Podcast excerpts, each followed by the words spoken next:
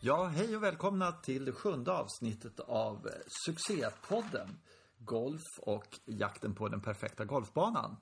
Eh, vi har fått in massor med lyssnarfrågor och eh, vi kommer att prata om en hel del. Eh, det är jag, Jens, och min bror på Skype. Är du där? Johan här. Ja, det är Ja, jag. trevligt. Hej. Hur har veckan varit?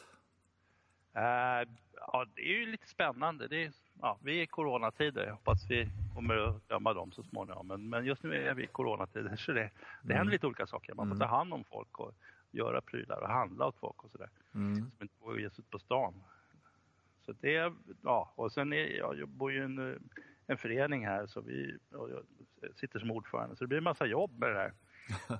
Ja, informera och folk tycker kan inte ni göra det här, kan inte ni göra det där. Så försöker vi göra lite för att vi inte ska verka för slöa i alla fall. Mm, det är bra. Ja, mm. Ja, Ja, det- tänk, tänk på det där om man kopplar till golf och så. Så Mm.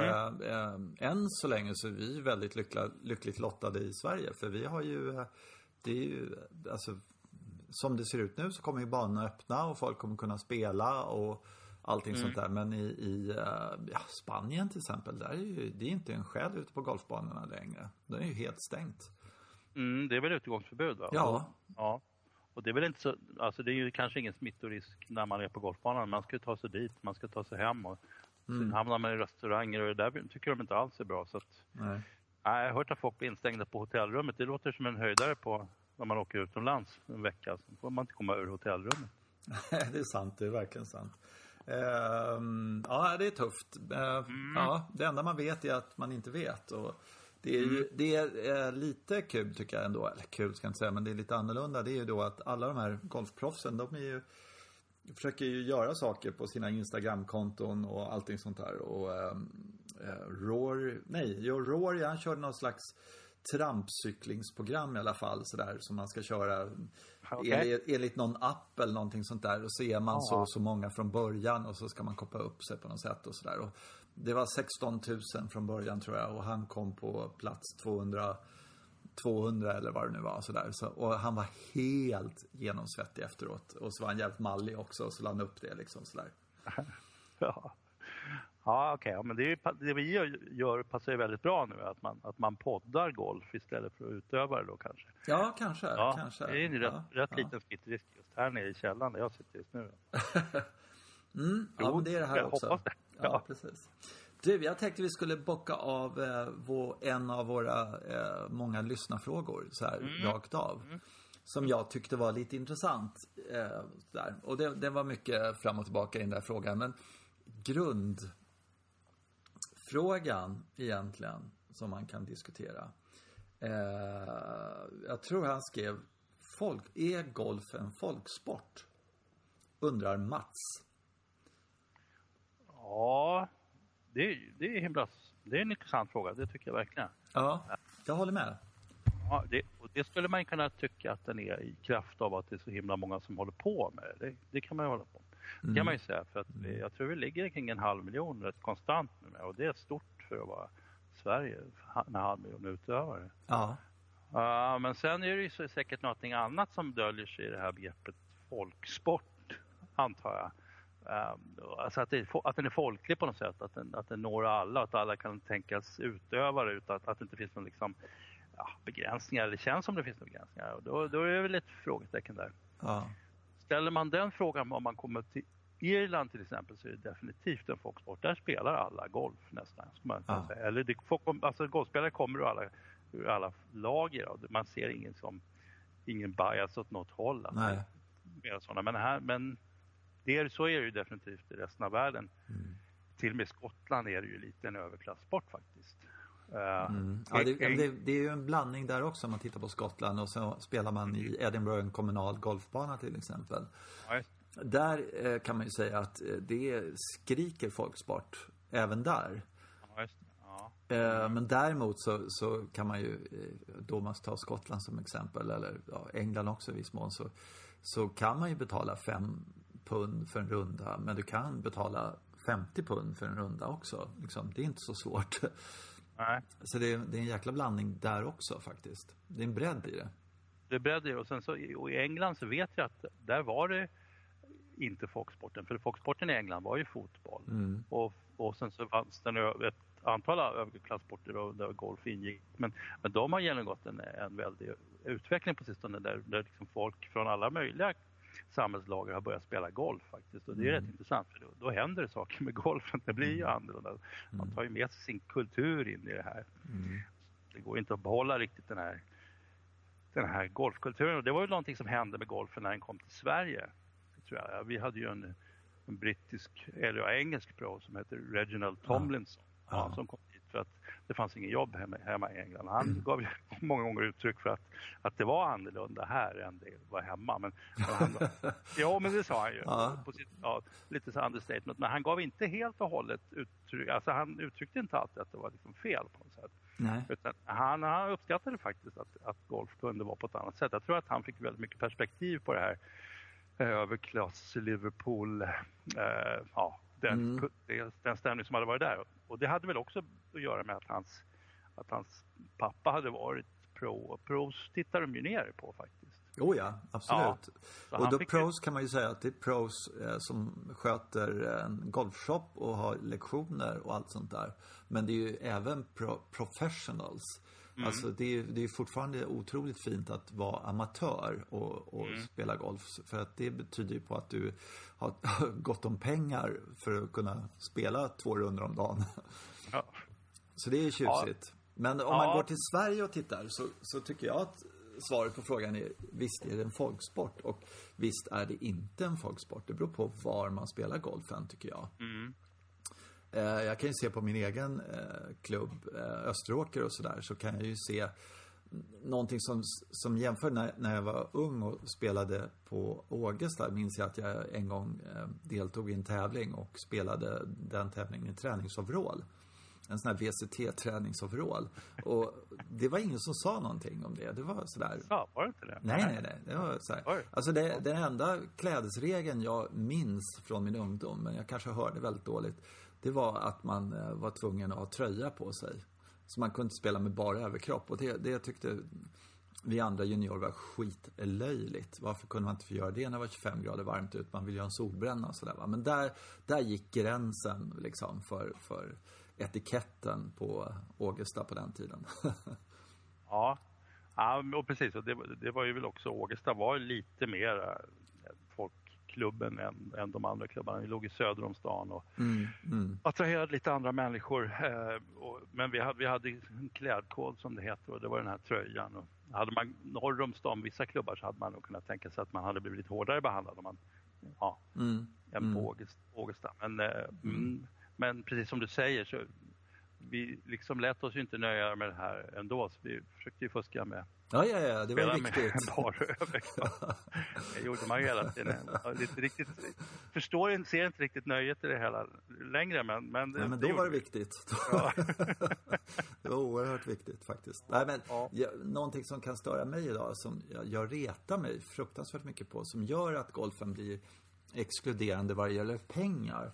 Alltså inte uppförandet och, och alla såna här konstiga regler och så, men det är det här när man ser de här juniorerna som är kanske 10, 12, 15 år och som har en utrustning för 20 000 och kläder för 5 liksom. Mm. Eh, och allting är splitternytt och allting sånt där. Och det, det tycker jag, för det vet man ju också hur påverksbar alla andra ungdomar är som skulle börja... Om Zlatan hade börjat lira golf så hade han liksom hållit på med det i tio minuter och så hade han dragit därifrån. För han hade... Det, eh, det, det, det där tycker jag är en, en eh, otroligt... Eh, det stör mig oerhört mycket att det finns den kulturen. I alla fall på vår klubb och på många andra klubbar också. Det gillar inte jag alls. Nej, men det, och det känner jag igen från kommentaren när jag från Augusta också. Att, eh, att, att, juniorerna de nöjer sig bara med det bästa. Vilket mm. är lite konstigt för, för, seniorer och veteraner och sådär. De är inte alls lika petnoga utan, utan det är det växande släktet. Och där borde det tvärtom. Och som du säger, där borde det inte finnas något tryck på egentligen att man ska ha alla grejerna. Men, men det har de och så växer de ju ur prylarna hela tiden också. Så att, mm. Ja, det blir då, dyrt fan för föräldrarna. Ja, då har man gjort någonting alltså av en sport som var väldigt tillgänglig om man mm. tänkte sig att man hade varit lite mindre noga med materialet till någonting som blir ganska otillgängligt. Alltså, det kostar lika mycket som ishockey plötsligt och det är ju farligt. Mm.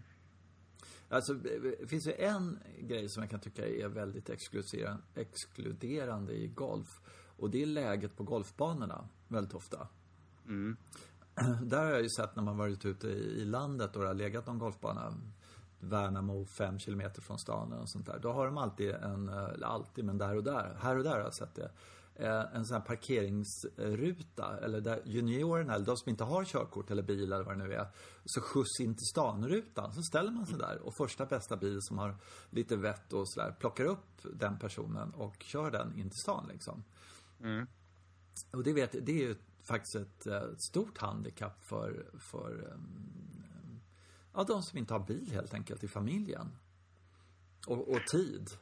Ja, vi har, vi har ju en sån, någon slags punkt också. Jag tror, vet inte hur mycket den har funkat. Jag har inte riktigt sett hur det fungerar. Men, men, men, vi har ju i och för sig ganska bra kollektivtrafik förbi, förbi Ågesta. Det, det, är några, det är väl en eh, 700 meter eller någonting. Sen är det en busshållplats. Där mm. går det bussar. rätt, rätt okej. Okay. Och så kommer man upp till tunnelbanan. Så att, eh, det går inte jättesnabbt. Men jag känner några stycken, även seniorer som, som faktiskt utnyttjar det där. Mm. Och som inte alls alltid åker golf eller bil. De, det är folk som inte har bil helt enkelt som spelar golf. Och det, det tycker jag, det, värmer lite att det mm. går. Mm.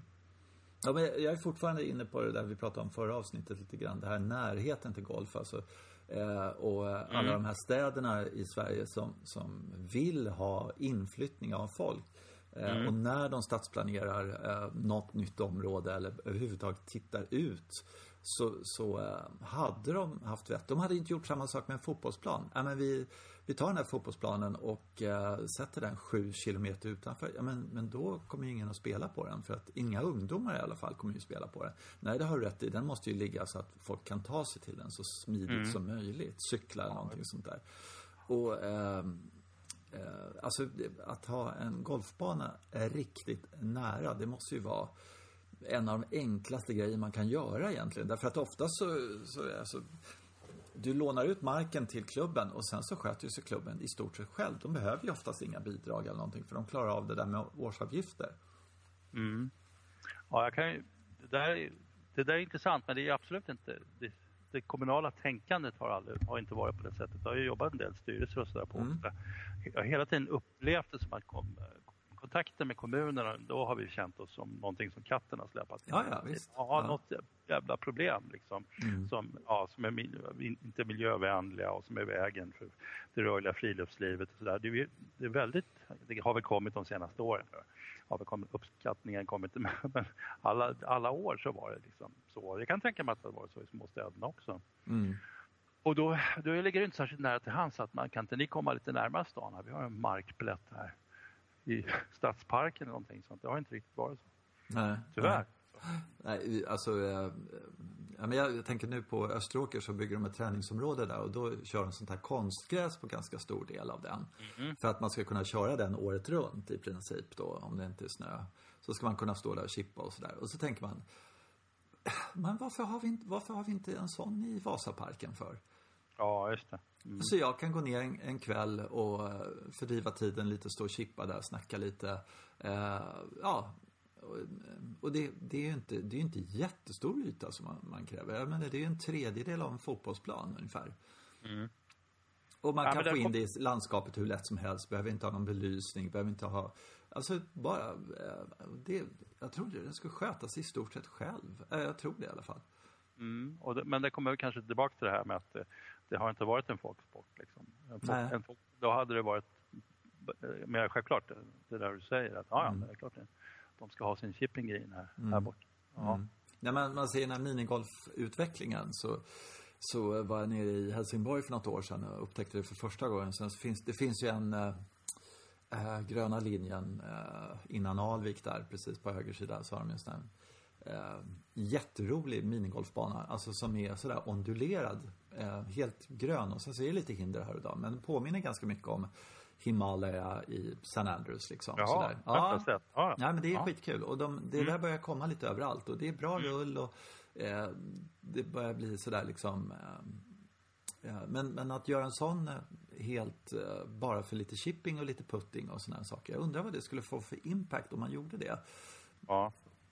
Alltså om de höll eh, golfen ungefär lika kort som de höll eh, skateboardarna eller något sånt där. Att man hade någonstans innanför tullarna där man kunde stå och putta och chippa lite på någorlunda schysst underlag. Att, jag kan inte tänka mig att det är så jättedyrt. Nej, men det har väl, de har ju, skateboardarna har gjort det enda rätta. De har ju byggde sin egen park under Tranebergsbron där. Liksom. Ja, just det. Sen, sen, fick de i och för sig försvara den sen också, för sen kom kommunen och skulle riva den. Men, men ja, det är Nej, kanske men det. I, Ja. eh, vad heter den, parken här? Där har de ju en jättefin eh, skateboard som kommunen faktiskt har gjort. Ja, ja. Rål- Rålis, i Rålis. Rålambshovsparken, under bron där så är det torrt, regnar inte på dem och sen Nej. kör de där som bara den. Så det är jättepoppis. Ja, men de, då kände de sig lite sådär, för det kom det mycket kickbacks också. Mm. Så, att, eh, så att de riktiga skateboardarna, de byggde sin egen under, under Tranebergsbron där. Jaha, okej. Ja, just det. Och det är väl kanske Ah, ja. det vi ska, vi kanske ska göra det liksom. Att vi ska bygga vår egen shipping green någonstans bara sådär. Och, du vet, smyga ut på nätterna. Och, och, Li- Lite geri- gerilla sådär och sen bara slänger vi, slänger vi ut lite eh, Ja. grön matta och sen kör vi. ja. Ja, men. Ja. vem vet. Då vi är så laglydiga golfare så vi skulle inte våga vara där. eh, men det om folksport alltså. Det, Mm. det är väl... eh, Det är ja och nej. Alltså det, det är ju så att det finns de här dyrare golfbanorna. Där är definitivt inte det och inte speciellt inkluderande på något sätt. Men kommer man ut i landet eller till de lite enklare golfbanorna, Björkhagen eller ja, sådär. Så, så visst är det en folksport tycker jag. Ja. ja, det tror jag också. Små orter, gärna lite um, inåt landet. Mm. Håller med dig. De Mm. kommer och besöker dem. Då är det, känns det annorlunda. Mm, mm. Men jag, jag kan i och för sig komma ihåg en gång när jag var på Irland och spelade och eh, så kom ner till en golfbana där och eh, där, där var de extremt, extremt hatiska nästan mot, mot juniorer. Alltså juniorer, de skulle hålla sig på 4 gånger 4 meter någonstans längst ner till vänster och hade starttider mellan 00 och 06 liksom på onsdagar. Och så skyltarna i klubbhuset var bara Strictly no juniors, no kids, någonting sånt där.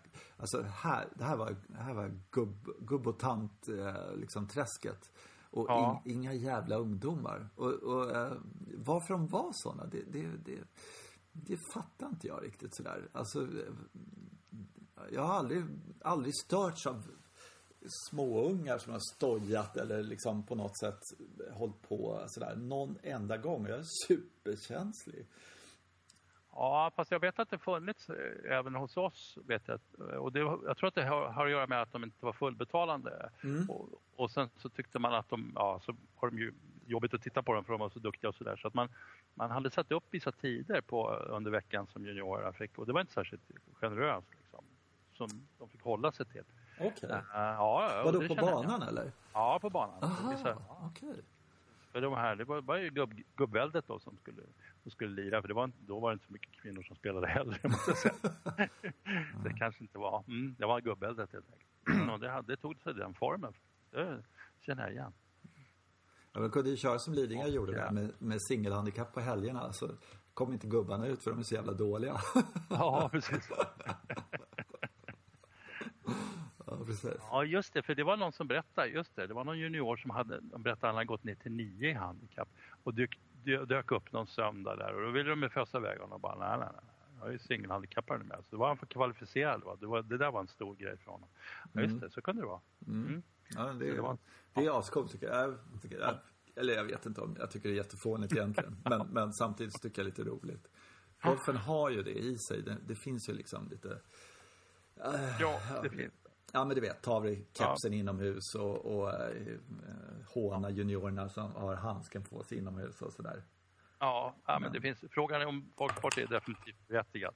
Så är det. Eh, ha, vad ska vi prata om mer då? Du, jo, du pratar, vi pratar lite um, eh, litteratur.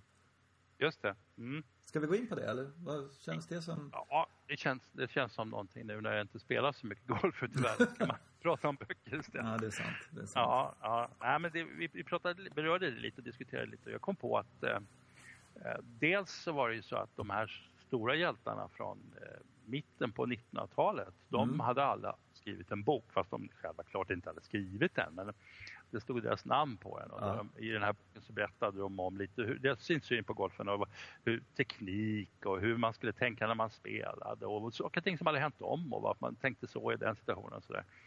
Eh, och sen så kom jag på att ja, men det gör de ju inte nu för tiden, killarna som spelar. Men det, och det har ju säkert att göra med att de är så himla väl försörjda ändå. Det, det var ju säkert ett sätt att tjäna pengar, det att man publicerade en bok.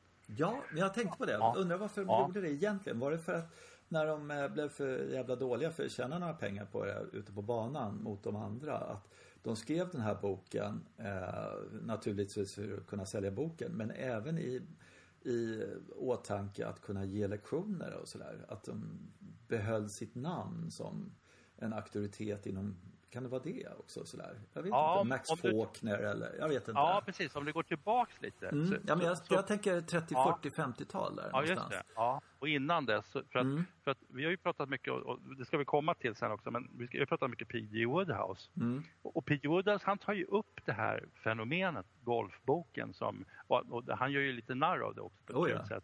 Ja, eh, för han kallar ja, de, en golfbok kan heta Om tillfälligt vatten och så vidare. Men det, det, det var ju, Sidan 276 alltså, i, i, volym 1 och sådär. Ganska mycket mjölkande av liksom, för att få ut pengar och hela. Och, och, jag tror att det här var så att det var en tid när att de som spelade golf och undervisade också skrev väldigt mycket böcker, eller publicerade böcker mm. Och, och, det var för att få, det är en extrainkomst helt enkelt. Och att det här höll på och det blev som en grej som varje golfspelare med liksom, lite självaktning då skulle ha publicerat någon bok mm. om sig själv. Mm. Och så, så stannade det kvar som en, eh, som en tradition då, för sen kommer Arnold Palmer, Jack Nicklaus och den här. Mm. Och med Arnold Palmer så kommer ju också McCormack och pengarna. Alltså, mm. För McCormack lyckades ju blåsa upp prispengar och allt möjligt så att de behövde inte längre men de hade inte tappat den där traditionen för alla tidigare hade ju skrivit böcker och sen mm. så dog det där väl ut. Så mm. skulle jag kunna tänka mig att en utveckling såg ut. Och, eh, ja, och lite synd för att jag tycker de där jag har läst Arnold Palmers och Jack Nicklaus och mm. vi har läst Lite Vinos och mm. uh, Ben Hogan så det är ju himla trevlig läsning. Alltså, det, liksom, mm. det, blir, det blir ändå, fastän det är en spökskrivare självklart, så är, blir det några personliga grejer. De berättar lite om hur de tänker själva och vad de har varit med om. Jag har ju en, en, en bibel i, där, i min början av min karriär som, som jag, jag måste ha läst den hundra gånger. Nej, inte hela naturligtvis. Men det är, nu ska jag säga rätt. Carrie Middlecoff.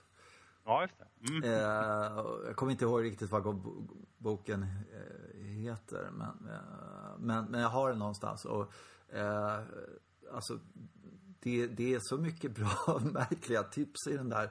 Alltså eh, man, man, hur man slår en järnetta under ett träd och liksom sådana där saker. Le lektionen i järnetta är att man inte slår den liksom. Det är sådär va. Liksom. Ah, okay, ja. ja. men eh, ja, hur du spelar i sidvind och... Han hade en grej som var absolut det bästa. Och det är när du drabbas av kors och tvärssjukan. Army Golf alltså, är det det? Ja, jag kommer inte ihåg vad den hette men, men uh, den kors och tvärssjukan är liksom, och den, ja. det är så jävla bra för den, den, det är en väldigt, väldigt bra beskrivning på en situation i golf rent generellt. Att man är lätt mer eller mindre drabbad av kors och tvärssjukan. Liksom. Ha, nu gick den höger, ha, nu gick den vänster. Ja, det var det, men det, det var någon som kallade det för army golf, det left, right, left, right. Ja, ja, ja, okej, okay. ja, ja, okay. ja, nu fattar jag. Ja. Ja, ja, men, men eh, jag undrar vad, jag skulle ha läst originalet på engelska och se just vad kors och tvärssjukan heter på engelska, men det vet jag faktiskt inte. Nej, uh, ja. Jag upplevde en kamrat till oss som fick, eh, jag tyckte det kändes som att han hade roderhaveri och det måste vara samma som kors och tvärssjukan. Som sköt vildsint åt vänster, sköt vildsint åt höger. Ja, ja, ja.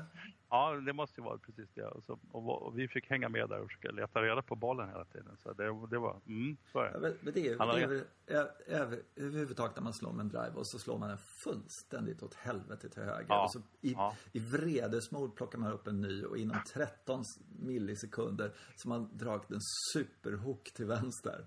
Alltså, det, det, det, det är faktiskt det absolut jävligaste. För man har ingen aning om vad man gör för fel eller liksom nej, sådär. Nej. Jaha, man blir så fruktansvärt nollställd efter den ja. där hooken. För, det, för mig är det alltid anti, först en slice och sen en hook.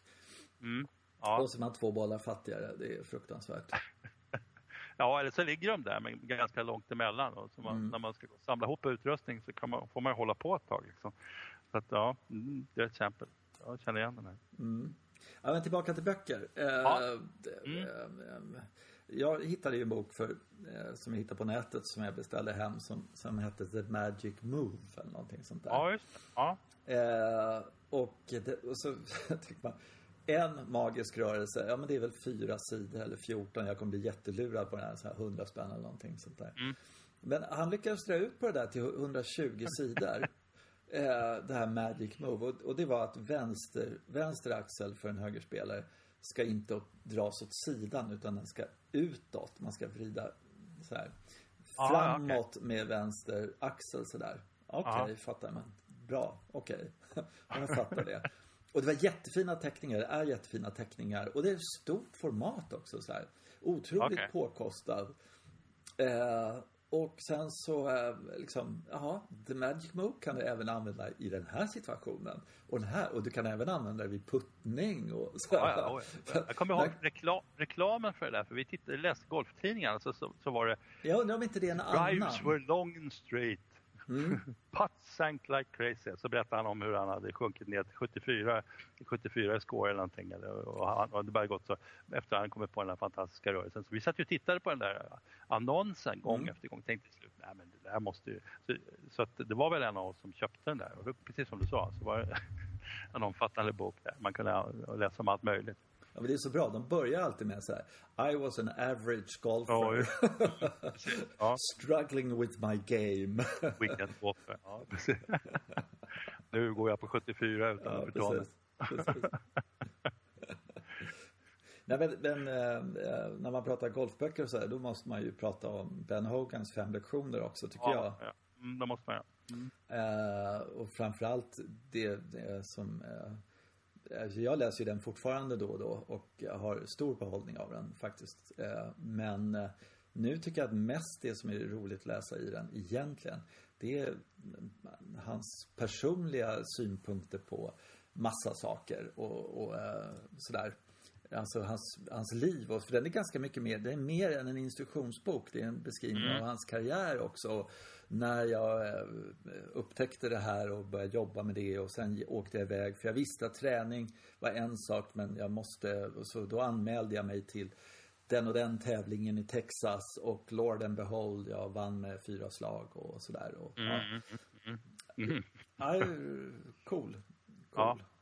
Ja, men den, den är ju bra. Jag tror att det, det, är rätt så. Den har nog inte åldrats tror jag alltså, heller så mycket. Det, jag menar, det rent tekniska tänkandet och sådär. Han, han var nog ganska bra analytiker tror jag, Ben, ben Hogan trots allt. Ja, men framförallt så hade han ju ett oerhört självförtroende när han skrev den boken. Det är bara, ja. om, du, om du greppar så och gör så och gör så, så ser jag ingen anledning att du inte kan skjuta 80 varje gång du är ute och spelar. det är inte så, ja, det kanske är några grejer till och så här, så blir det ju rätt mycket till slut. Men, men ja. gör bara så här, det är, kan vem som helst kan skjuta under 80. Så mm. Ja, jag vet. Jag vet. Ja. Och det blir man ganska inspirerad av. Det roliga är att man, den är ju så fruktansvärt. Den börjar ju med greppet.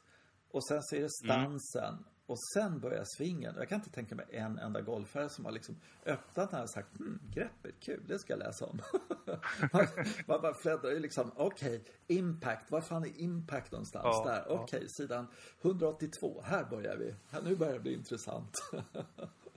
ja, men, och det där är intressant faktiskt, men det brukade Jack Nicklaus snackade om det i sin bok att mm. han tyckte det var viktigt att, att gå tillbaka till grunderna. Mm. Och, och, han gjorde det varje vår. Det är lite mm. intressant för att han, de spelade faktiskt inte så mycket på vintern. Han var ju uppifrån Ohio, var, de hade vintrar ordentligt. Så han gick till sin tränare som också hette Jack förstås. Jack Grout. Ja, just det. Och så, så skakade, skakade de hand och så sa han, tjena jag heter Jack och jag heter också Jack och jag mm. skulle vilja lära mig spela golf. Liksom. Mm. Så började de från absolut första början igen. Mm. Så här håller du i klubban. Och så, här, så att han fick tillbaka, liksom, inte hade lärt sig några dumheter eller mm. glidit iväg. Så att, eh, nej, det, var, det är intressant. Och det lär faktiskt vara sant. Mycket av det där som Jack Nicklaus påstår är ju så, faktiskt som han har gjort. Mm. Inte bara en förskön, för förskönande av liksom, en historia. Nej. Han... Eh, han, han förberedde sig ju liksom, eh, han spelade inte så himla mycket. Eh, men, men så när det blev eh, liksom tre, fyra veckor innan en major, då satte han igång och tränade och alldeles kopiöst helt enkelt. Och körde, jag har sett någon sån här program på hur först eh, slå 200 bollar, göra det, gå ut, spela 18 hål, käka lunch, eh, mm. slå bollar, spela 18 hål, utvärdera, gå och lägg dig ungefär. Liksom. Och sen körde han det stenhårt under ganska liksom, eh, ja. intensiv period inför Major så att han kände sig redo. Och det, det är ju ganska häftigt. Mm. Ja, det är verkligen. Ja, och då tycker man ändå att, då vet man att han tränade i jämförelse med andra på den tiden som tränade mycket, mycket hårdare än vad han gjorde. Fys och sådana grejer. Han är ju idag, om man jämför honom med andra så har han ju, han är ju liksom, ja, han har inte skött sin fysik speciellt mycket. Nej, fast han var, jag tror inte att de tränade så mycket fysik på den tiden. Nej. Men däremot så vet jag att Jack var ju ganska, han är inte så lång, men han, han var ju väldigt stark. Mm. Och lite tjock också för den delen. Ja. ja. men han var väldigt, väldigt stark. Uh, Arnold Palmer var ju på något sätt väldigt stark från grunden också. Det var en kraftfarbror. Liksom. Mm. Så att man spelade ju med det man hade med sig liksom, mm. på den tiden. Så trodde de, många av dem trodde att de skulle förlora oerhört om de började lyfta skrotet. De skulle bli så orörliga och okänsliga. Ja, just det. Just det. Så många var rädda för det. Mm. mm. Men, det, men det som jag tycker är fascinerande när man går tillbaka till uh, de här Shells Wonderful World of Golf och se dem. Jag tror de finns på Youtube fortfarande. Det är otroligt kul att se Ben Hogan och Sam Snead mm. och allting sånt där. Så jag tycker, alltså svingmässigt och allting sånt där så ser man, ja jävla schysst, lite långsamt tempo men, men det ser mm. bra ut alltihopa. Eh, tills de kommer till green, där ser man ju verkligen att eh, de puttar ju som kratter hela gänget alltså. Det, det, det är en ja. ryckig, stötig, klickig, det är liksom ingen flyt i någonting. Alltså det, det äh, jag menar, då, Jack Nicklaus var ju eh, var ju många som säger fortfarande att han är den bästa puttaren någonsin. Men det sätt han puttar på, alltså det här krampaktiga eh, som, som han hade det, det, och alla de andra också. Det, det, det är obegripligt att han kunde sätta puttar med, den tekniken och den liksom ryckigheten som det är i det. Måste vara bara viljestyrka eller någonting som gör att han får in bollen i hål då och då. Ja, jag tror att det var mycket psyke som gjorde att han satte mycket putter. För han, ja. han, han, han, berättade i sin bok att han, när han ställde sig över en putt så hade han ju aldrig missat en putt förut. Liksom. Nej, han bara rensade bort det. Mm. Han, han satte alltid alla puttar innan han slagit mm. dem. Sen var det ju annorlunda efteråt. Liksom. Mm. Fast han sa, säger ju för sig själv att han var ju aldrig någon liksom där, sån där som stängt i en massa enputtar överallt. Utan han var inte bra, bra tvåputtare. Han mm. rullade fram mm. sig mm. till bra returlägen. Liksom. Mm.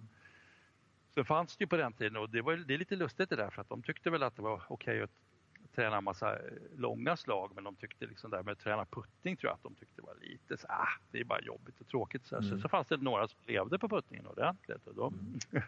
och då tyckte man, jag vet inte, de tittade ner lite på dem. Man pratade om scrambling på den tiden, mm. alltså att, mm. att rädda sig svårigheter och det var mm. så här, det var lite, ja, det var väl bra i och för sig, skickligt gjort men det var väl inte riktigt, det var inte riktigt snyggt, det var inte riktigt golf. Bara. Nej, precis.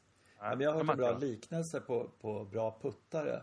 Bra puttare, det är som ungefär eh, lika genant som att ha rika föräldrar. Oavsett Aha, vilken, okay. vilka problem ja. man hamnar i så klarar man sig alltid. Redan man ja. ja, där hade du, du klarat dig på din puttning. Ja, ja, men du, du puttade ju bra idag. Ja, men jag slog ju längre än vad du gjorde. Ja. Snacka om attityder. Kul med attityder.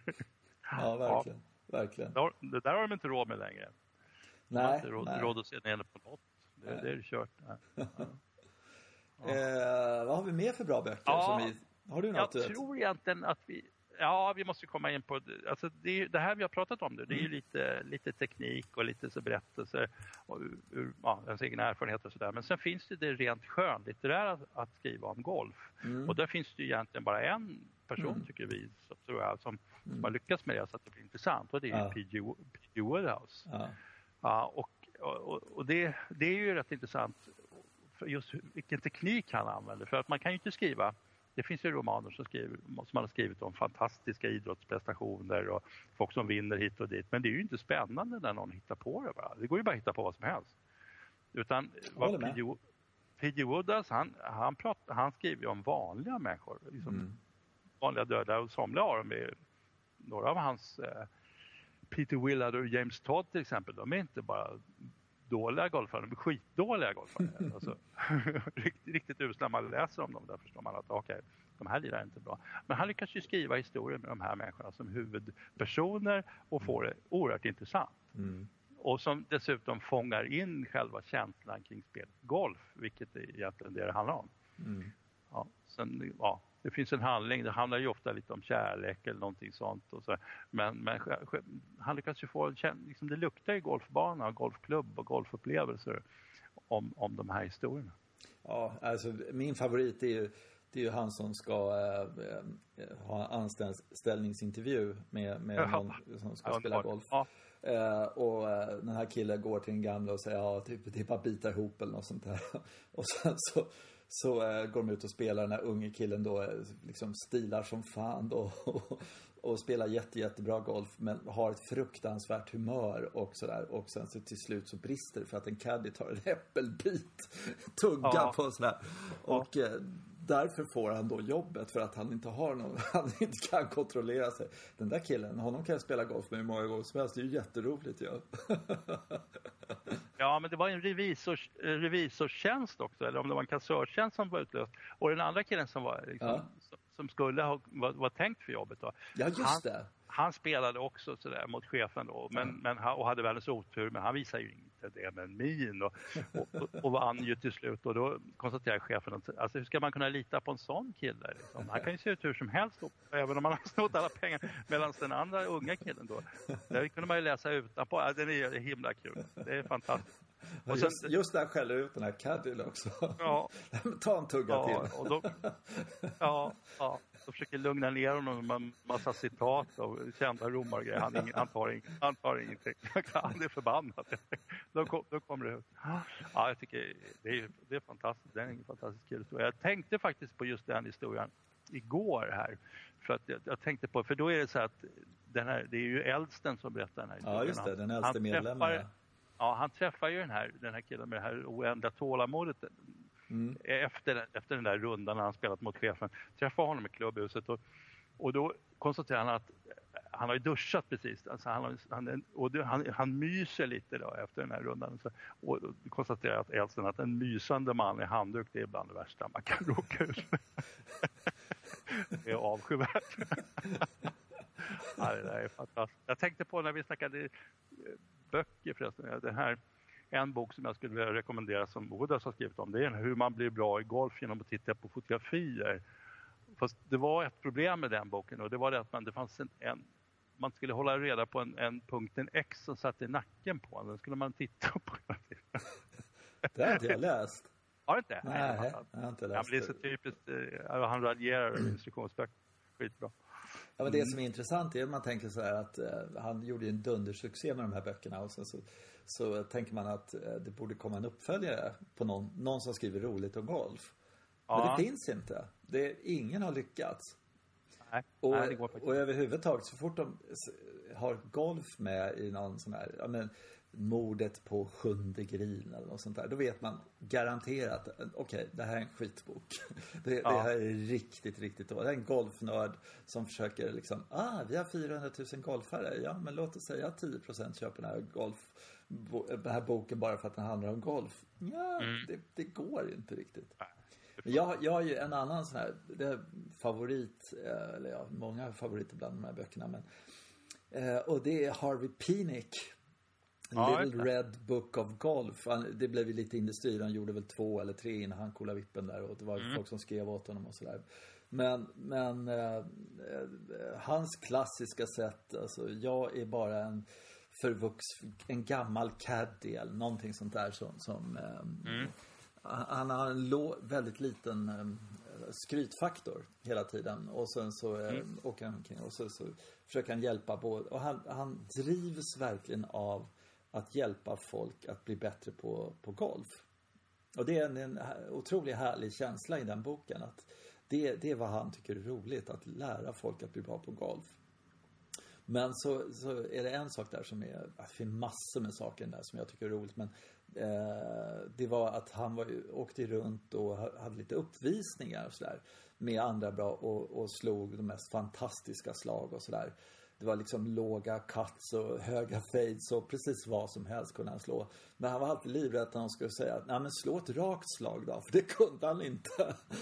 Ja, du- De bästa i eh, spelet och eh, de helt vanliga liksom, tanter som kom och skulle utvecklas i golf. Vilket gör att boken är väldigt rolig på det sättet och, och inspirerande tycker jag. Eh, för att det, det eh, ja, nej, ja, Han hade Ben Crenshaw va? Crenshaw han? och Tom Kite hade han som, som eh, bland Kite, annat. just- Och eh, vad Ja. heter hon, den här kvinnan hade han också. Han hade rätt många eh, kvinnliga eh, och sådär också. Men, Mm. Just.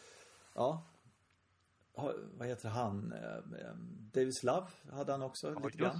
det. Det? Ja, ja, lite grann. Jag vet inte om han hade honom hela tiden, men han lärde honom i alla fall att en, en putt ska gå i hålet som en rädd mus eller någonting sånt. Ja, just. Ja. Jo, men jag trodde jag väl slapp. Ja, det var, var rätt mycket känslosamma historier när Harvey Pinnock gick, när Pinnock gick bort där. Mm, oh ja.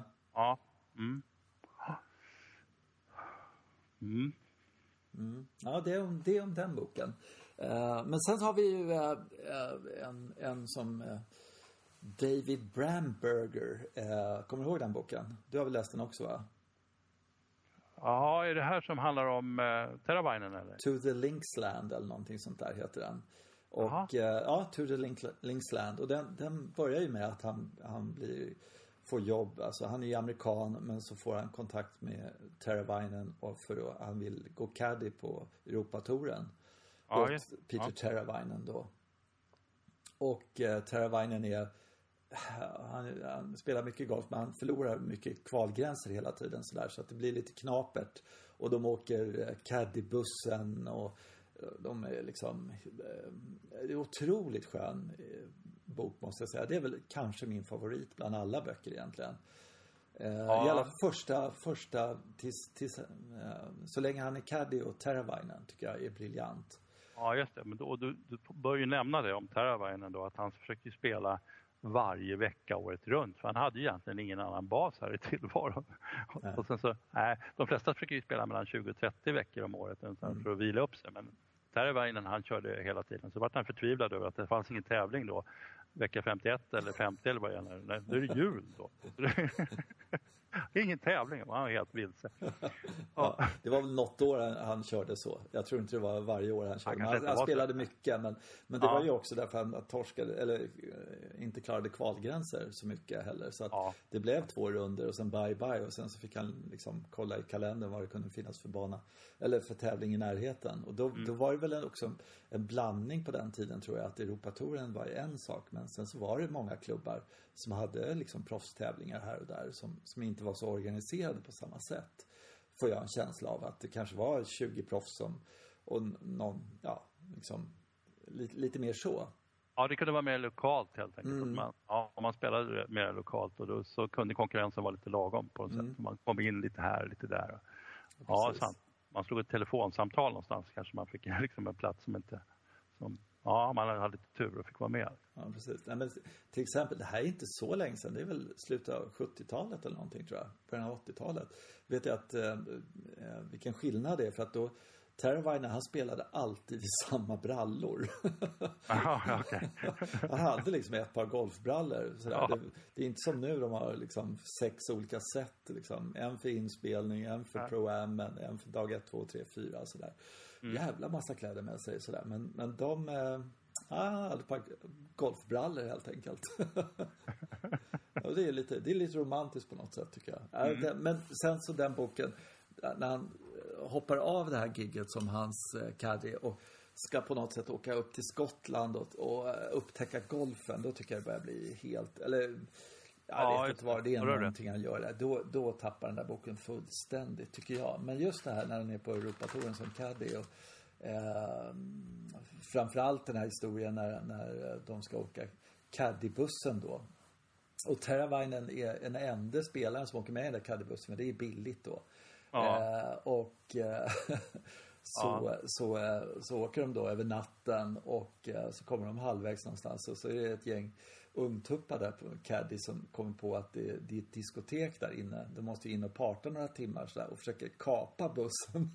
och Alltså, tvinga... man kommer på att det, det är någon fest på ett diskotek i Madrid och de är på väg det till kanske- sydkusten. Det här är ju liksom Ja. hysteriskt lång resa med caddybussen som de bara håller på och håller på. Liksom. Mm. Och de har supit till där de här caddysarna. Sen ska absolut till det där diskoteket. Jag tror Ja. faktiskt de hamnade på det där diskoteket i Madrid. Jag var lite Ja, kanske osäker. de gjorde. Ja, ja, ja. ja. Något kul ska man väl ha liksom. sådär. Ja, ja, precis.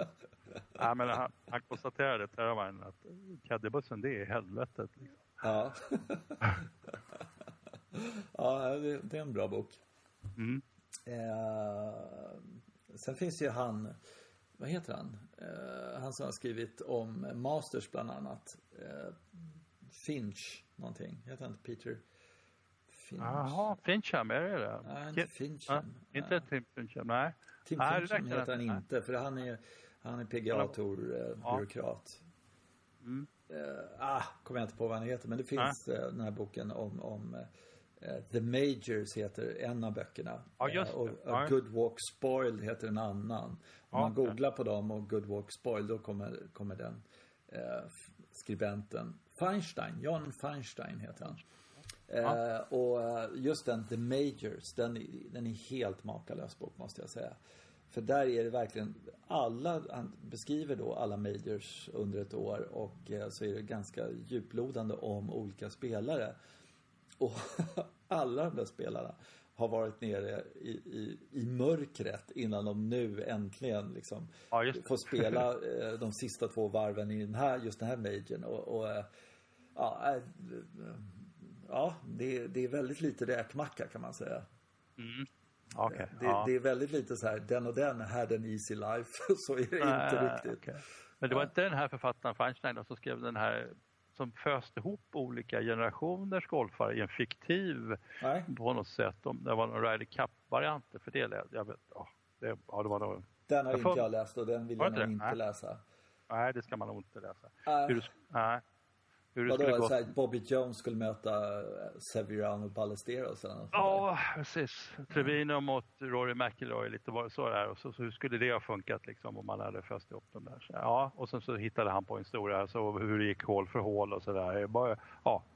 Det, Gud, så det är ju intressant. ja, fruktansvärt dåligt, helt, helt meningslöst. Ja, mm. Och han det... det- tänker från bunkern, för det är ju känt att han var en gudabenådad bunkerspelare. Så, ja. Och kan ni tänka? Ja, men precis. Ja, men det, det får inte en författare göra. Man får inte, man får inte förlita sig på liksom, dramatiken i själva golfspelet. För man hittar ju på. inte. Nej, så det går. Eh, nej, men det, det är en sak som jag har tänkt på, eh, som vi har pratat om någon gång, som jag tänkte ta upp där. Och det är Severiano Ballesteros. Mm. Eh, han, han är ju liksom sån där mytomspunnen tävlingsmänniska, Ryder Cup och, och eh, sina majors och allting sånt där. Vad, vad man egentligen kan säga om honom, eh, tycker jag, alltså så här, och sen så tragiskt dör han och allt det där. Men Ja. han var ju, han var ju eh, genuint osportslig. Och Ja. jag undrar om han hade funnits idag och betett sig på samma sätt som han gjorde då med att hosta i baksvingen eller överhuvudtaget psyka folk på ett otroligt dåligt sätt. Uh, undrar om- om liksom, var det okej på 70-talet att man, man fick bete sig som ett svin? För det var faktiskt vad han gjorde emellanåt. Eh, Och extremt o... Det finns ju den här fruitcake incident när han och så Nick Price tror jag är och så eh, tror jag inte det är meningen men han får en fruktkaka i halsen precis när Nick Price ska spela in på ett hål. Ja, och. Ja. eh, hans caddy Billy någonting. Eh, så kommer de upp på green då och så slår han upp den två meter ifrån då Nick Price då och så säger han då och, och eh, att, eh, och den är för par då och Sevi har, har gjort sitt par och så säger men ge honom den. Nej, nej, nej, nej, nej. Jag, jag erbjöd honom, eller försökte liksom rätta till det förut sådär, att han skulle få slå, slå om slaget. Men, men eh, det får man ju inte, visste han ju mycket väl att man inte får slå Ja, om slaget. Han var ju Ja. regelexpert. Han är fruktansvärt bra på reglerna. Eh, så, så, så gör han inte det. Och det är så dålig stil. Alltså Ja. han är egentligen inget föredöme för någon egentligen. Förutom att han var en gudabenådad Nej. golfare, golfare alltså. Han var ju otrolig på närspel. Ja. Mm. Men, men osportslig? Nej, och sen, men det är alltså, ingen som säger nu Han var osportslig. Han, nej, det säger man inte nu för tiden. Och eh, det är väl det här, man snackar inte illa om de döda, men det gjorde man väl inte riktigt då heller. Men alltså, jag kommer ihåg att det var amerikaner som hade köpt, eh, de hade köpt halstabletter till honom och så delade ut dem på första tid. Ta de här liksom. Mm. Ja, i, i profylaktiskt syfte. Då, så mm. För de visste att han skulle komma att tänkas hosta vid fel tillfälle. Och det var som ja. ett sätt att påpeka att det här, sånt här händer. Liksom. De, de gillade det inte, men de var väl också lite för skolade och för städade för att liksom säga till riktigt rakt ut. Och det är, mm. ja, det är synd att man inte gjorde det. Mm. Och det, jag håller med om att det tar ju ner, han var ju en fantastisk eh, lagspelare, Severiano Ballesteros. Ja, det var han verkligen. Ja, som någonting som, ja, han verkligen lyckats ju lyfta sin medspelare hela tiden när de spelar i Ryder Cup. Mm. Vilket, det finns andra som man kan nämna då, som absolut inte kan, som inte vet hur man gör, men det kunde mm. ju Severiano Ballesteros. Mm. Så han, han var ju skit, skitbra för de som var med honom, men inte för de som var mot honom. Och det, mm. det är lite synd att han inte hade båda sidor. Ja visst, men det, det är också så här, han var ju extremt individualistisk. Men, men det var ju någon historia om äh, hur han liksom, alla tyckte det var så kul att, med, att vara med Sebby på Ryder Cup. Han hjälpte dem med deras spel och nej men du ska göra så här i bunkern och liksom så här, kolla mm. mig nu här och så här. Massa lektioner och sådär. Och sen så var Ryder Cup klart och så var de ute på Europatouren. Och då var det någon äh, av de där killarna som hade varit med i Ryder Cup och du, så här, skulle inte du kunna visa mig hur du gjorde där i bunkern? Så här, no, no, no, no. Next two years. See you in two years. Then. det kan jag i och för sig köpa. Liksom så här. Det är väl okej. Okay. Ja, men, ja. men, men, att han, han eh, höll på med, med sina osportsligheter. Ja. Det, det, det, tycker jag, det ska inte han komma undan med helt enkelt. Tycker Nej, inte jag. Han är inget föredöme för fem öre vad det gäller sportsmanship. Han är osportslig helt enkelt. Mm. Och man kan säga egentligen så är han en fuskare. Fast han kommer, det, det är inte enligt lag förbjudet att hosta i baksvingen. Eller ställa sig liksom lite snett framför så man stör lite när, när eh, någon ska slå eller liksom sådär va. Så ställer han sig lite i vinkel så att någon ska tänka på det. Lite sådana där saker som han gjorde. Alltså, mm. Alltså psyka som är okej, det är ge puttar hit och dit eller liksom mm. eh, hålla på sådär. Men, men han gick helt klart över gränsen tycker jag. Och det, det är lite såhär, nej honom pratar vi inte om liksom. Ja, jag tycker det är lite tråkigt. Ja, och sen en tråkig dimension var ju också att de var tvungna att ha väldigt, väldigt självsäkra domare omkring herr Ballesteros på, mm. På banan. Annars hade han ju använt sin, sitt pondus liksom för att få fördelar och det, det känns inte heller bra. Liksom. Man är sin egen domare i golf. Man vet ju precis, och han som, precis som du säger, han var jätteduktig på, på reglerna. Han visste mm. att nu, nu ligger jag i ett läge som han måste slå bollen ifrån. Men då försökte han ju trycka på här genom att, ja, sin ilskna blick eller någonting och få en fördel av det. Och det, det är inte mm. heller okej. Nej, nej. Nej, så det, det, det är en en spaning. Ja, mm, verkligen. Du, eh, det här eh, vi brukar ju, eh, podden heter ju Jakten på den perfekta golfbanan. Just det. Mm. Um, ska vi, ska vi prata lite om, om schyssta golfbanor eller uh, liksom sådana här saker? Jag tänkte kanske vi kunde pra prata lite om uh, en bana vi har spelat ganska många gånger som jag gillar jättemycket. Där man, det man gillar och det man inte gillar där och så skulle vi kunna uh, gå vidare med den lite grann. Vad säger du om det? Ja, det kan vi göra. Ja, annars kan man ju vända på det och, och prata om det det som är imperfekt eller mindre mm. perfekt. Mm. Ja. Vad kör du? Riktigt dåliga hål. Som, jag, vi pratade om det utan, utanför sändning häromdagen och då, jag kom, det satte igång faktiskt någon tänkande hos mig. För att eh, det, är, det är rätt svårt att säga att, att någonting är bra hål. Så där. Det är lite svårt. Eller en bra bana är knepet. Lite, men det finns ju saker, saker hål, alltså hål som är riktigt dåliga. Det finns det verkligen. Mm, oh ja. Och en, en av de största liksom, ja, det är ju det här med, jag, jag har ju spelat ett antal hål därifrån, så trafiklyse. det, är, det tycker jag är en riktig brist. Alltså, okay, ibland finns det ju en sådär, ja det är blint, man ska spela över något krön och ser inte riktigt, det, det är en sak. Och då brukar det finnas någon klocka eller som man kan klinga i. Sådär. Men när det, när det finns ett trafiklyse, då är det uppenbart att alla vet att det här är en fruktansvärt dålig lösning. Vi var tvungna att sätta upp ett trafiklyse här. Och sen är det också det att de som var före glömde ju naturligtvis trycka på knappen. Mm. Så att det, det är rött vi kommer ingenstans. Så, och jag, jag, det finns ett par, jag, kommer att tänka på Öjared var det trafiklyse. Mm. Ja, Hook var det Ja, trafiklyse. Eh, vad heter den? Gis, Isaberg. Ja, det har inte jag spelat. När de byggde ut till 36. Ja. Nej, de byggde ut till 36. De hade ju 18 utmärkta hål först. Så byggde de ut till 36 och då fanns det trafiklyse på ena nioårslängan där. Ja. Sådär. Ja, mm. Alltså, Det var- ja, trafiklyse, eh, bara överhuvudtaget kan man nog egentligen säga. Alla hål som har en sån här pling-pling ja. eh, betyder ju att dit man, där man landar bollen har man inte en susning att se, se var den, vart den tog vägen och sådär. Nej. Så eh, oavsett om det är så, de är ju inte optimala i alla fall sådär. Det, det är ju inte riktigt eh, eh, ja, sådana banor, eh, hål man vill spela hela tiden i alla fall. Jag tänkte trafiklyse på en par trea, då snackar vi. det kan vara illa. Jag kan nämna, på Hook var det, det är nog borttaget numera. Eh, Men där var det, man kom man upp och så såg man bara himlen runt omkring sig, lite som horisonten, lite buskar Mm. eller någonting. Och så var det en trafiklyse och så en stor pil som pekade. Just Så det. gick, gick vi fram till skylten, och- det var en skylt där så läste man, det stod att Pron rekommenderar en järnsjua i den riktningen som pilen pekar. Jaha, Okej. ja just det. Och vem är det som slår den järnsjuan då? ja, du vet. Där. Så vi, vi slog ju varsin järnsjua i, i ja, ungefär den riktningen. Någon lite vänster, någon lite höger. Så gick vi ner och tänkte att det är, det är så säkert öppet där nere så det är ingen fara. Va? Så man gick vi ner så det var en ganska smal fairway och jag tror inte vi hittade någon boll. Nej. Nej, och då, då börjar man tycka att då är det lite som din, ja, din par trea med trafiklyse. Ja.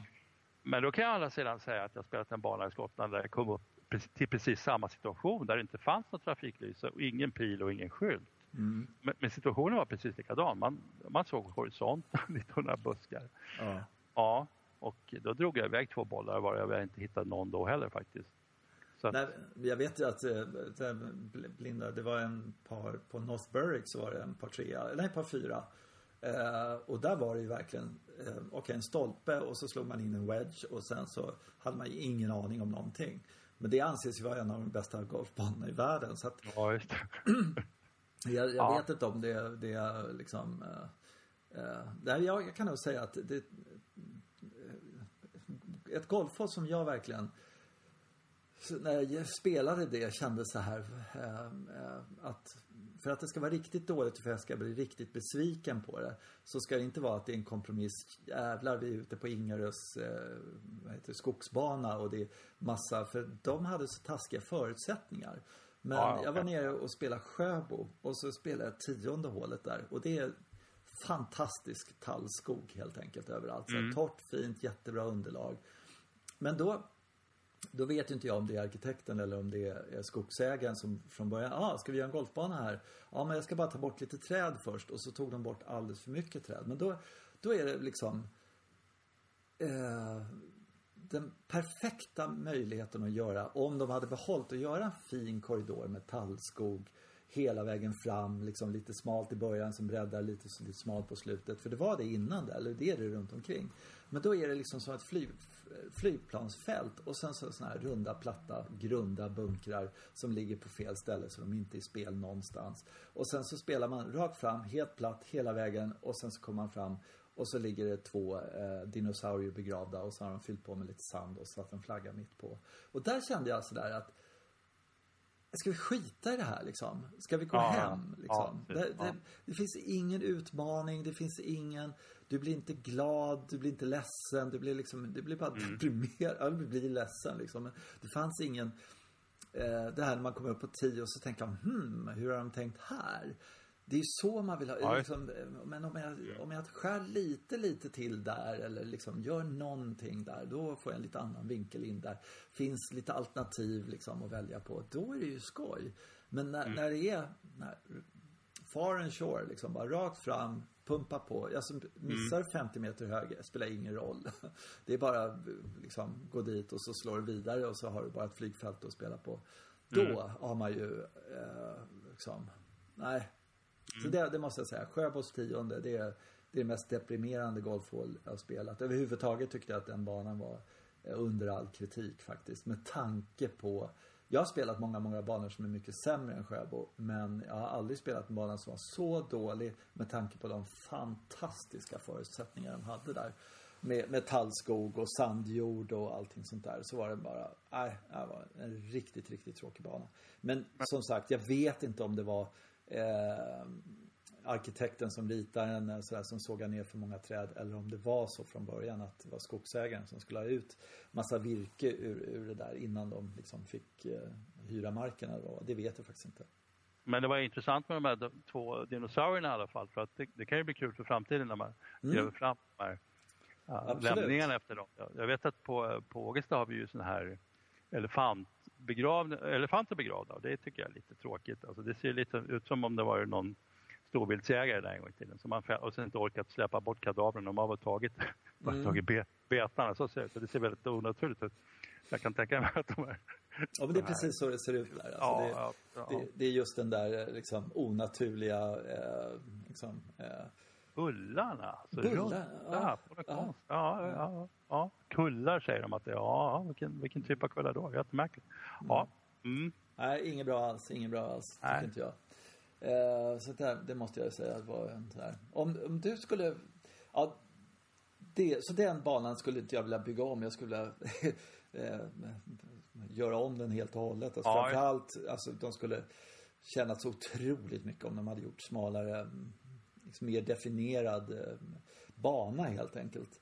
Eh, mm. Det är några håll där som det inte går att missa, där, där det faktiskt är rätt okej okay från 10 och sådär. Men, men rent generellt så höll jag ut tio hål och sen så fick jag, ja, det var nästan så jag var på väg att kliva av då. Trots att jag betalat green fee och allting. Mm. Det här är tråkigt. Har du någon sån här dold pärla i en sån här underskattad bana i Sverige som du verkligen tycker är en pärla fast ingen annan snackar om den? Eller om du förstår vad jag menar? Alltså, hade man det så skulle man väl kanske inte säga det. Jo, det, det är det du måste göra nu. Det är din plikt. Nej, jag, det måste jag erkänna att eh, ja, det är väl svårt tycker jag. Det tycker mm. jag är knepigt. Uh, det skulle vara någon bana med väldigt mycket karaktär i så fall. Mycket mm. skogs, ja. Ja, jag undrar om inte... Jag hoppas på det i alla fall. Jag hoppas att Karlshamn kommer att visa sig vara en sån mm. när vi kommer tillbaka. Mm. För jag kommer ihåg den som, var, som en fantastiskt trevlig bana. Nu berättar ju du att den inte är så högt rankad längre i Sverige. Nej. Nej. Så att, för det, det är ju, alltså där är det är mycket lövskog och i och för sig en del tall och grejer också. Tyckte jag mm. definierade hål tycker jag definitivt att det är. Att man, den, är ju, den har ju så pass många år på nacken så det borde kunna vara det. Mm. Det skulle också Karlskrona vara. Jag kommer ihåg att den delvis upplevdes som så här, ja just det, mm, det här är fint. Så sjutton. Fast det vill jag inte säga, jag är inte säker på att jag ska säga att det är en dold pärla på något sätt. Där nere känner de väl till den. Men, men Blekinge är väl eh, kanske lite, något av en avkrok för de flesta golfare. Mm, mm. Ja, jag hoppas också på att Blekinge är vår nya liksom, pärla där nere. Mm. Eh, mm. och det finns tydligen några andra golfbanor där också i närheten som, som man kan lira som ska vara helt okej okay och sådär. Så att det finns en fyra, fem, sex att alternera kring och sådär. Mm. Så, eh, eh, så det ska bli jättekul att, att recensera dem. Sådär. Men en bana som jag tycker är jätte, jättetrevlig att spela. Eh, och jag spelar den tre, fyra gånger eller någonting sånt där. Och varje gång trivs oerhört mycket. Eh, som jag vet att du har spelat också. Eh, och det är Ystad GK.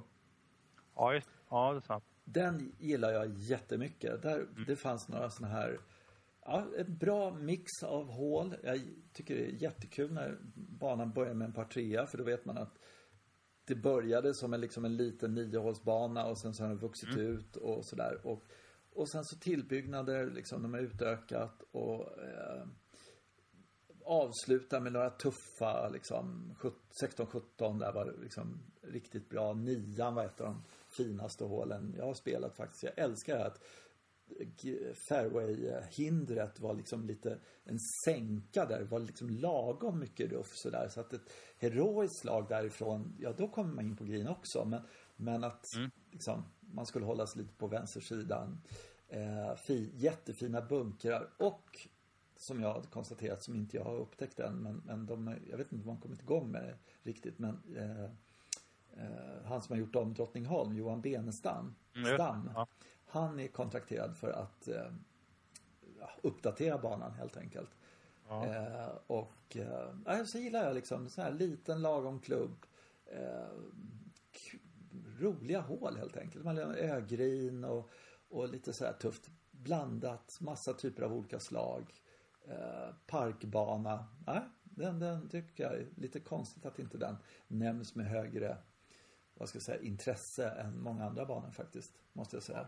Senast jag var där, vilket var länge sedan, så hade de precis byggt de här diagonala, väldigt smala bunk, fairwaybunkrarna. Mm. mm. Har, de, har de kvar då? För att de, man, det var så här, okej, okay, jag vet precis var bollen är, men jag, man kan inte slå rakt mot, mot green. Det var ett oerhört elakt men fiffigt mm. hinder. Ja, ja. ja. Och sen så var det någon där eh, 100 eller 360-370 meter svag dogleg höger. Eh, och då var det inte bunkrar utan det var små sänkor, så här bullar. Så att eh, när han hamnade där så var det kanske bara ja, 3-4 centimeter högt gräs och så, så det var fullt möjligt. Men i och med att den låg i den där ojämnheten så fick man en annan typ av utmaning som man gäller att undvika eller försöka ta sig ut ifrån ja. också. Också en sån här liksom, bra idé. Sådär. Mm. Jag gillar det. Det var väl något håll där, tror jag tionde som var lite blek när jag var där och spelade. Men, men eh, ja, jag spelade några gånger och verkligen tyckt trivts, trivts på den golfbanan.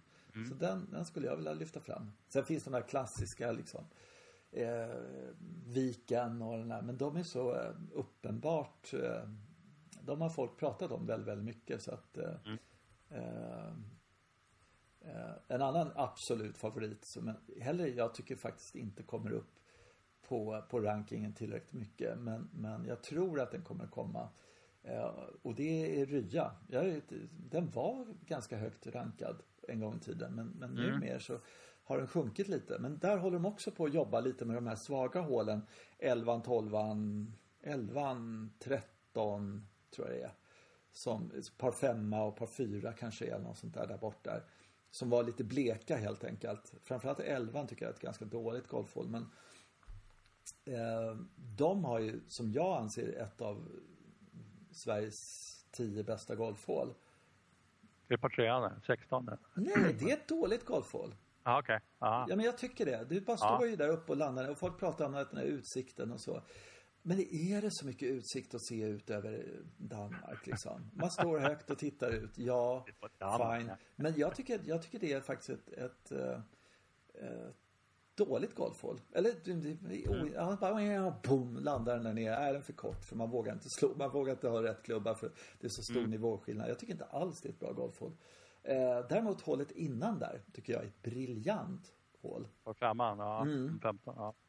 ja. Just att man står ganska lågt, det är väldigt lågt. Och sen så är den här åsen är inte 90 grader utan den är nästan 45 grader. Mm.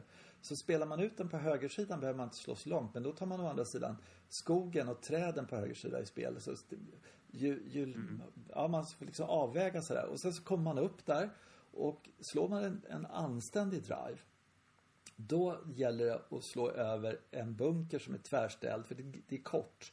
Det är inte mer än 425 meter eller något sånt där. Mm. Eh, och gör man det, man känner så här, ja, och så kan man inte riktigt se om den gick i bunkern eller inte. För oftast motljus. Men det är mm. liksom mm. lite dold sådär om man slår. Så försvinner den bakom den, för då är det en sänka precis bakom den. Och så, så kan man se, kom den, kom den över? Och så kan man se när något rinner upp där framme vid green då. Det tycker ja, jag är en otrolig kan, ja. underhållning faktiskt. Ja, ja. Just från tee, från green och sen så jättefint greenområde. Ja, jag tycker jag är svinbra. Hörru du, nu har vi pratat i en timme och tio minuter snart. Ja, jag tycker det börjar bli dags att avrunda. Jaha, jag bara kommer halv, halvvägs här i mina anteckningar. ja, det är bra. Spara då. Ja, jag gör det. Ja. Men eh, sjunde avsnittet. Eh, mm. Roligt att vi har så mycket lyssnare. Tack för att ni mm. lyssnar på oss. Så eh, så hörs vi om en vecka igen. Okej, okay. ja. tack så mycket. Börja. Hej. Ja. ja. ja.